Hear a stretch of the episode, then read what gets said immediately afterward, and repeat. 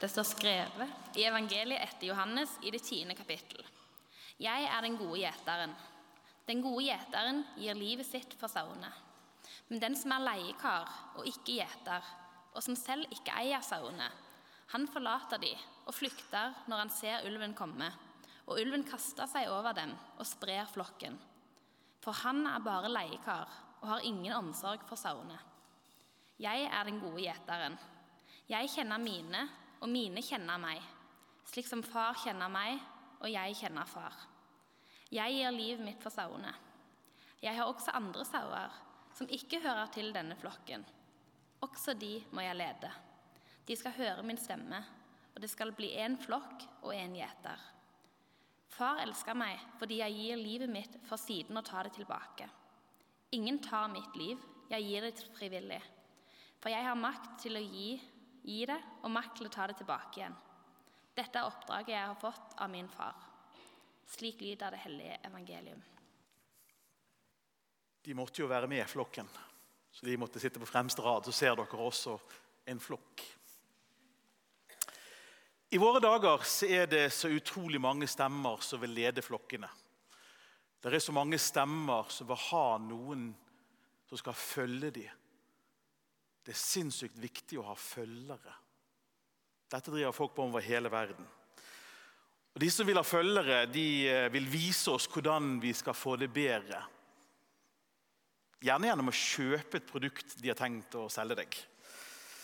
Og Så sier de at de kan tilby oss akkurat det vi trenger, nemlig tilhørighet. Gjerne i form av en livsstil som bare de selger. Tenk bare på Cola-reklamen. Du hører til. Du drikker cola. Du er en av oss. Det er ganske nydelig. Så sier de også ofte at de har svaret på hvor vi skal. Det kan være en idé, en visjon eller en retning vi skal ta. Som kan da i overført betydning Tenk nå på de som sitter på alteret her. Lede oss til de grønne engene. Til det gode livet. Og Alt vi trenger å gjøre, det er å følge disse menneskene som sier 'følg meg', og så ordner liksom alt seg. Og Det er ikke rart at dette budskapet er noe vi faktisk kjøper en del ganger. For jeg tror det taler til en veldig dyp menneskelig lengsel. For det er ikke sånn at Folk har begynt å følge andre i våre dager. Mennesker har alltid vært følgere.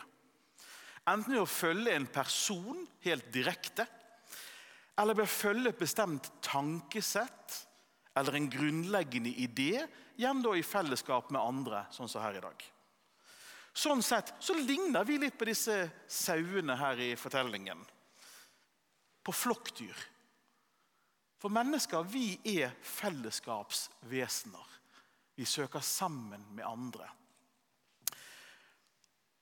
Hvem her inne som ikke har kjent på at det er mange ganger vanskelig å finne retningen i livet sjøl på egen hånd? Det er ganske hardt å skulle ta alle valgene for eget liv på egen hånd. For det er jo ikke så lett å vite veldig mange ganger hva er det som egentlig er lurt nå, og hva er uklokt akkurat nå? Og Derfor ser vi jo gjerne til andre for ledelse. Det er helt naturlig. Og så er det litt utrygt å være alene om alt også.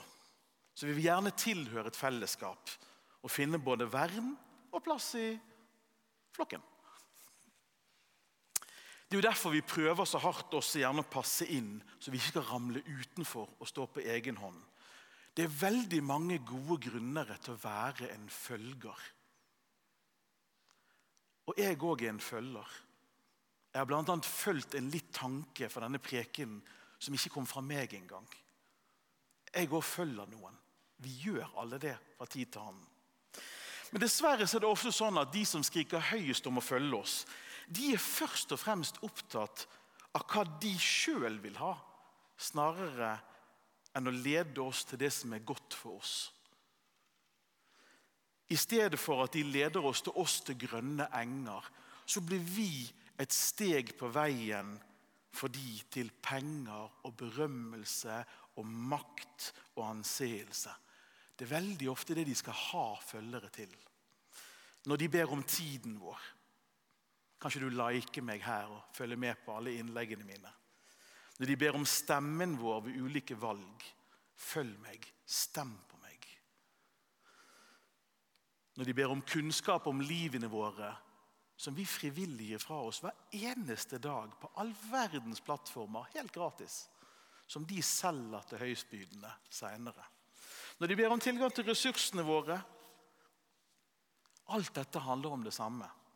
Vi får ofte inntrykket fra dem at hvis vi gjør alt dette, så skal det lønne seg. Og det er helt riktig. Det lønner seg. Bare ikke for oss, men for den vi skal følge. Det lønner seg for den som skal ha følgere.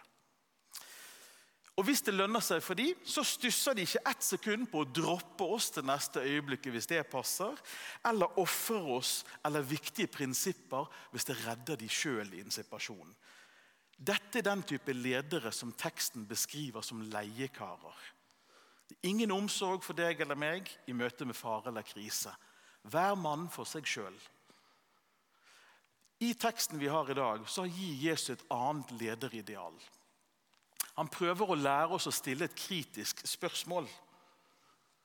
For teksten i dag er en ledelsestekst. Og Det viktige spørsmålet er jo hvorfor skal jeg følge deg? Det er det spørsmålet Jesus prøver å lære oss. Hvorfor skal jeg følge deg? Og Så gir han oss noen viktige idealer om ledelse. Og Hvis vi spør dette spørsmålet hvorfor skal jeg følge deg, så gir teksten oss forhåpentligvis noen gode svar på hva er det ledere egentlig bør stå for. Så vi begynner med å spørre hvorfor skal jeg følge deg? Du skal følge meg fordi jeg er god. Fordi jeg vil det gode, bare fordi det er godt. Ikke fordi jeg har tenkt å bruke deg eller oppnå noe. Fordi jeg vil deg vel, uten tanke på gjenytelse. Jeg er villig til å vise sjenerøsitet uten at det er fortjent. Og Så spør vi igjen hvorfor skal jeg følge deg. Jo, fordi jeg har omsorg for deg. En god leder er opptatt av å gi kjærlig oppmerksomhet. Opptatt av hvordan har du det. Opptatt av å bry seg og gi tid til å lytte og være tilstedeværende. Hvorfor skal jeg følge deg? Jo, fordi jeg er trofast mot deg. Jeg blir spesielt når det er vanskelig. Jeg svikter ikke når løftene koster noe. Jeg er innsatsvillig, og jeg er ikke bare en som krever, jeg er en som er villig til å gi. Ja, hvorfor skal jeg så følge deg, da? Du skal følge meg fordi jeg kjenner deg. Fordi jeg er opptatt av deg. Fordi de bruker masse tid på å finne ut hvem er du Jeg vil gjerne vite hva din sårbarhet er, ikke for å utnytte deg, men for å skape gode rammer rundt deg og gi verden. Jeg er opptatt av hva er du god på, så dine muligheter og krefter skal komme i spill på en god måte. Oppta hva du trenger, at du skal ha det bra. Etablere trygghet. Det er gode ledere opptatt av. Men hvorfor skal jeg følge deg?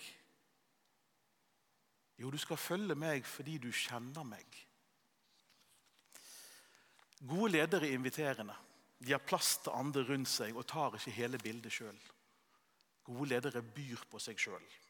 La andre komme nær og våger å være sårbar. Det er ærlighet, og det er sårbarhet og det er relasjon det handler om. En god leder satser på relasjonen. En god leder legger til rette for relasjonen. En god leder legger til rette for at du kan være deg ved å gå foran og vise at det er mulig ved å være seg sjøl. Jesus gir oss med andre ord ledelsesidealer vi kan se etter i andre mennesker rundt oss.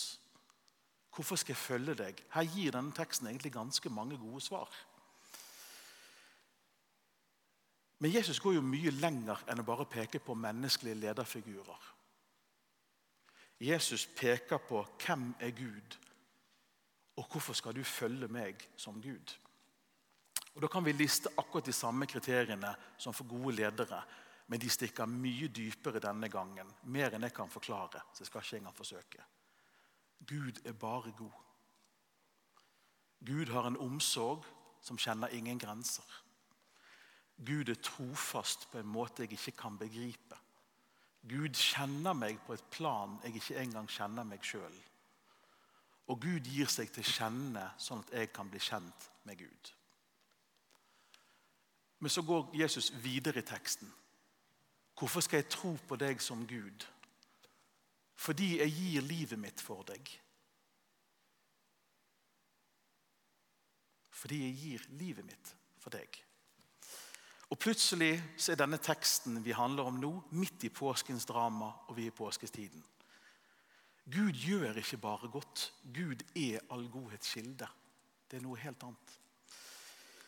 Jesus kjemper i denne påskefortellingen vi snakket om, med de tingene vi kjemper med. Med døden, med synden, med det vanskelige. Representert ved ulven i fortellingen. Alt dette kjemper Jesus med i vårt sted. Og Jesus, i motsetning til de lederne skal selge oss noe, er opptatt faktisk av hva som er godt for oss. Men det er helt tydelig at han har ikke helt syn på hva som er godt for seg. Jeg gir mitt liv for sauene. Det er vi som står i sentrum. Jesus tror jeg er den vennen alle drømmer om å ha. Og Jesus er den vennen jeg drømmer om å være trofast til døden, men som jeg vet jeg overhodet ikke kan være. Men jeg drømmer om det litt likevel. Når Jesus sier 'jeg er', så henviser han til Guds navnet Javé. Med å vise at han er Gud. Jeg er Guds navnet Javé. Den Gud som er bedre enn alle våre drømmer. Som bryter alle våre grenser. Ikke i form av å invadere oss, men alle våre forestillinger med å være bedre enn vi kunne håpe på. Det er med andre ord Gud som følger oss i våre liv, som kjemper kampen du og jeg står i, som kjemper sammen med oss når vi jobber med våre liv. Og Gud kjemper kampene vi ikke kan vinne, for det er et par av de. Det er en salme som jeg er veldig glad i, som snakker om at like til døden elsker du meg. Dyreste Jesus. Jesus er trofast sånn som ingen andre faktisk er trofast. Uten at det er fortjent. For bare sann kjærlighet gis selvfølgelig helt ufortjent. Ellers er det ikke kjærlighet, og heller ikke sant.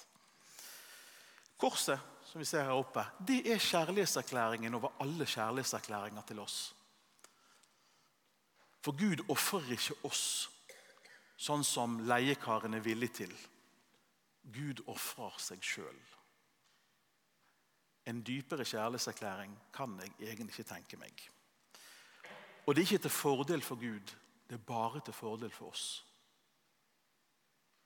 Jeg vet ikke om det er til ulempe for Gud, det kan jeg ikke faktisk svare på. Men fordelen er i alle fall vår. Hvorfor skal jeg følge deg som Gud? Da tenker jeg på setningen som Bjørn Eidsvåg har skrevet. Fordi jeg har gjort død til liv for deg.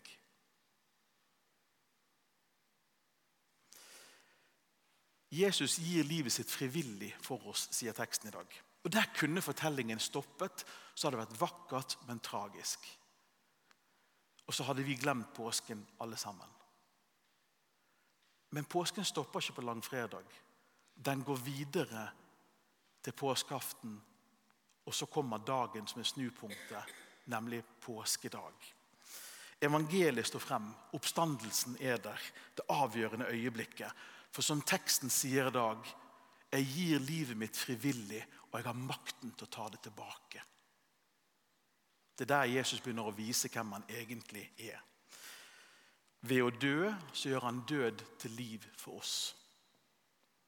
Fordi vi skal oppstå sånn som han oppsto en gang. Og så har han makten, som det ikke står i teksten, men indirekte antyder, at han har makten også til å gi våre liv tilbake igjen til oss. Ikke bare ta sitt eget liv tilbake. I motsetning til alle som lover gull og grønne skoger, så tenker jeg faktisk Jesus leverer. Men på et plan jeg ikke egentlig helt forstår. Men Jesus leverer. Ved å lede oss dit det virkelig gode livet er. Og da har jeg lyst til å si Det gode livet er ikke det enkle livet. For det tror jeg faktisk ikke Gud har lovet oss et enkelt liv, men et godt liv. Det har også plass til det vanskelige, det gode livet. Et liv med Gud, et liv i søskenflokken, som dette er et bilde på, er stedet å høre til. Jeg er blitt ganske voksen, eh, i alle fall i antall år. Det har jeg fått høre også i denne uken, at jeg er blitt et halvt århundre. Det er ikke verst. Men selv om jeg er blitt såpass voksen som jeg er, så forstår jeg ikke Guds grenseløse omsorg. Men jeg vil gjerne utsettes for han gang etter gang etter gang. For meg er det noe utrolig viktig i troen. Og når Jesus sier 'Jeg kjenner mine, og mine kjenner meg', så er det faktisk på et plan så ingen andre kan kjenne meg. Jesus har sett faktisk hele mitt liv. Og han har sett hele ditt liv òg. Det er 50 år med gode ting. Og så er det 50 år med en del andre ting som bare Gud vet om, og kanskje jeg er glad at det bare er Gud som vet om. Det som er mysteriet og evangeliet, og det gjelder like fullt for deg som for meg, er at han er glad i meg likevel, til tross for han kjenner absolutt alt ved hele livet mitt. Så har ikke han forlatt meg, er fremdeles her. Jeg hører til. Og det er jo det samme for deg, håper jeg at du tenker. Når Jesus leder, så leder ikke Gud meg utenom det vanskelige. Gud leder gjennom det vanskelige til erkjennelsene i begynnelsen av gudstjenesten om hvem jeg faktisk er en synder. Ikke utenom smerten, men gjennom smerten av den erkjennelsen.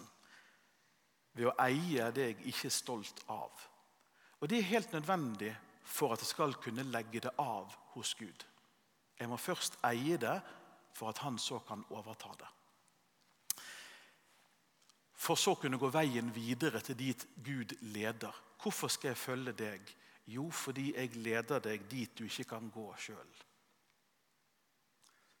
Til forsoning, til tilgivelse, til nåde, til kjærlighet.